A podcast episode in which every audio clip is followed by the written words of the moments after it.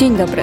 Zapraszam na podsumowanie tygodnia redakcji Euractiv Polska. Nazywam się Patrycja Goski i opowiem Wam, co działo się w tym tygodniu na świecie. Dzisiaj będzie między innymi o śmierci Jewgenija Prigorzyna oraz rezygnacji Franza Timmermansa. W obwodzie twerskim rozbił się prywatny samolot, na pokładzie którego znajdowało się 10 osób, w tym założyciel Wagnerowców Jewgenij Prigorzyn.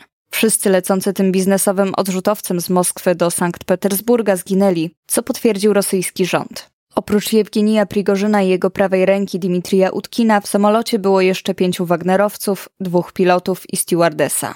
Pierwsza oficjalna informacja na szczeblu federalnym dotycząca tego zdarzenia pojawiła się w telewizji Rosja 24. Niepotwierdzone informacje o katastrofie prywatnego odrzutowca, na pokładzie którego miał znajdować się Prigorzyn, już kilka godzin wcześniej podawały m.in. TAS i Sputnik. Komentując informacje o katastrofie samolotu, doradca prezydenta Ukrainy Michajło Podolak zastrzegł, że w tej sprawie trzeba poczekać na rozwianie mgły wojny. Jednak jak napisał na platformie X, to oczywiste, że Putin nikomu nie przebacza własnego zwierzęcego strachu. Właśnie takiego, który unicestwił go w czerwcu 2023 roku. I tylko czekał na ten moment.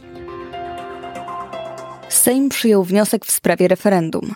Za wnioskiem łącznie zagłosowało 233 posłów, przeciw zagłosowało 211, a 8 osób wstrzymało się od głosu. Po głosowaniu posłowie PiS zaczęli klaskać i krzyczeć demokracja. Razem z PiSem głosowało trzech posłów koła Polskie Sprawy oraz dwóch posłów niezależnych. Koalicja Obywatelska, Lewica oraz Koalicja Polska, w której skład wchodzi PSL, głosowały przeciwko. W Konfederacji przeciw był Janusz Korwin-Mikke oraz Dobromir Sośnierz. Reszta ugrupowania wstrzymała się od głosu. W referendum rząd zada Polakom cztery pytania dotyczące wyprzedaży majątku państwowego, podniesienia wieku emerytalnego, przymusowej relokacji migrantów oraz likwidacji zapory na granicy z Białorusią. Opozycja wskazuje, że są one tendencyjne i sformułowane w niejasny sposób, a celem referendum jest możliwość prowadzenia dodatkowych działań wyborczych.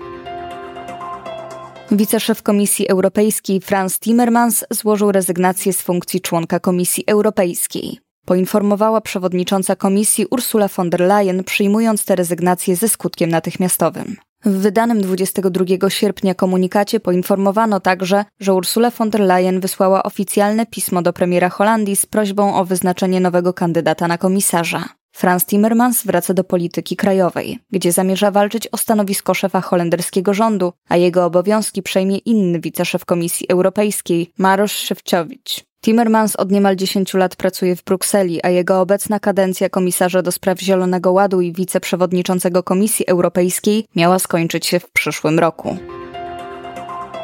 Zamieszki między demonstrantami a policją wybuchły w weekend we Francji na przedmieściach Liège, po tym jak w piątek 31-letni kierowca został zastrzelony przez policję. 31-latek został zatrzymany przez dwóch policjantów podczas kontroli drogowej za rzekomą lekkomyślną jazdę. Belgijskie media podały, że kierowca odmówił posłuszeństwa i przejechał jednego z policjantów.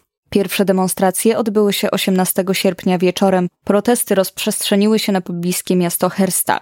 Demonstranci niszczyli innymi domy, sklepy, samochody, szkoły czy wiaty przystankowe.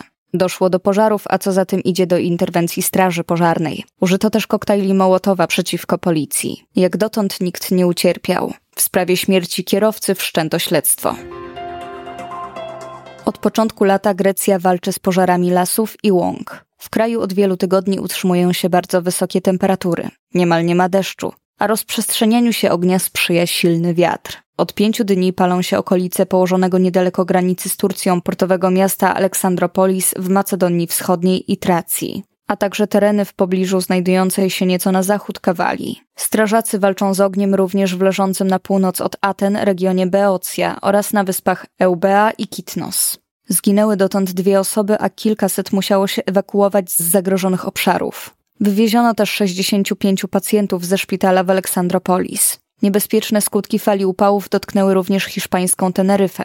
Według danych rządu Wysp Kanaryjskich od wtorku pożary strawiły tam około 8,5 tysiąca drzewostanów w środkowej i północnej części wyspy. Spłonęła ponad 1 trzecia lasów na Teneryfie, przekazał szef autonomicznego rządu Wysp Kanaryjskich Fernando Clavijo. Pożar objął w sumie około 50 km kwadratowych. Jeden z najpopularniejszych serbskich muzyków, Goran Bregowicz, w Polsce znany z projektu Kaja i Bregowicz, otrzymał zakaz wjazdu na teren Mołdawii. Dowiedział się o tym już na lotnisku w Kiszyniowie, gdzie przyleciał, aby zagrać koncert. Wcześniej publicznie chwalił anektowanie przez Rosję Krymu w 2014 roku oraz trwającą rosyjską inwazję na Ukrainę. Co prawda Bregowicz nigdy nie czynił tego otwarcie, ale sam fakt występowania na okupowanych przez Rosję terenach Ukrainy sprawiał, że na zachodzie powoli się od niego odwracano. Serb miał wystąpić na festiwalu Gustar w Kiszyniowie. Jednak gdy przyleciał do mołdawskiej stolicy na lotnisku, dowiedział się, że jest na liście osób pozbawionych prawa do wjazdu na teren kraju. To wszystko w dzisiejszym podsumowaniu tygodnia Euractiv Polska. W imieniu całej redakcji życzymy udanego weekendu. Do usłyszenia za tydzień.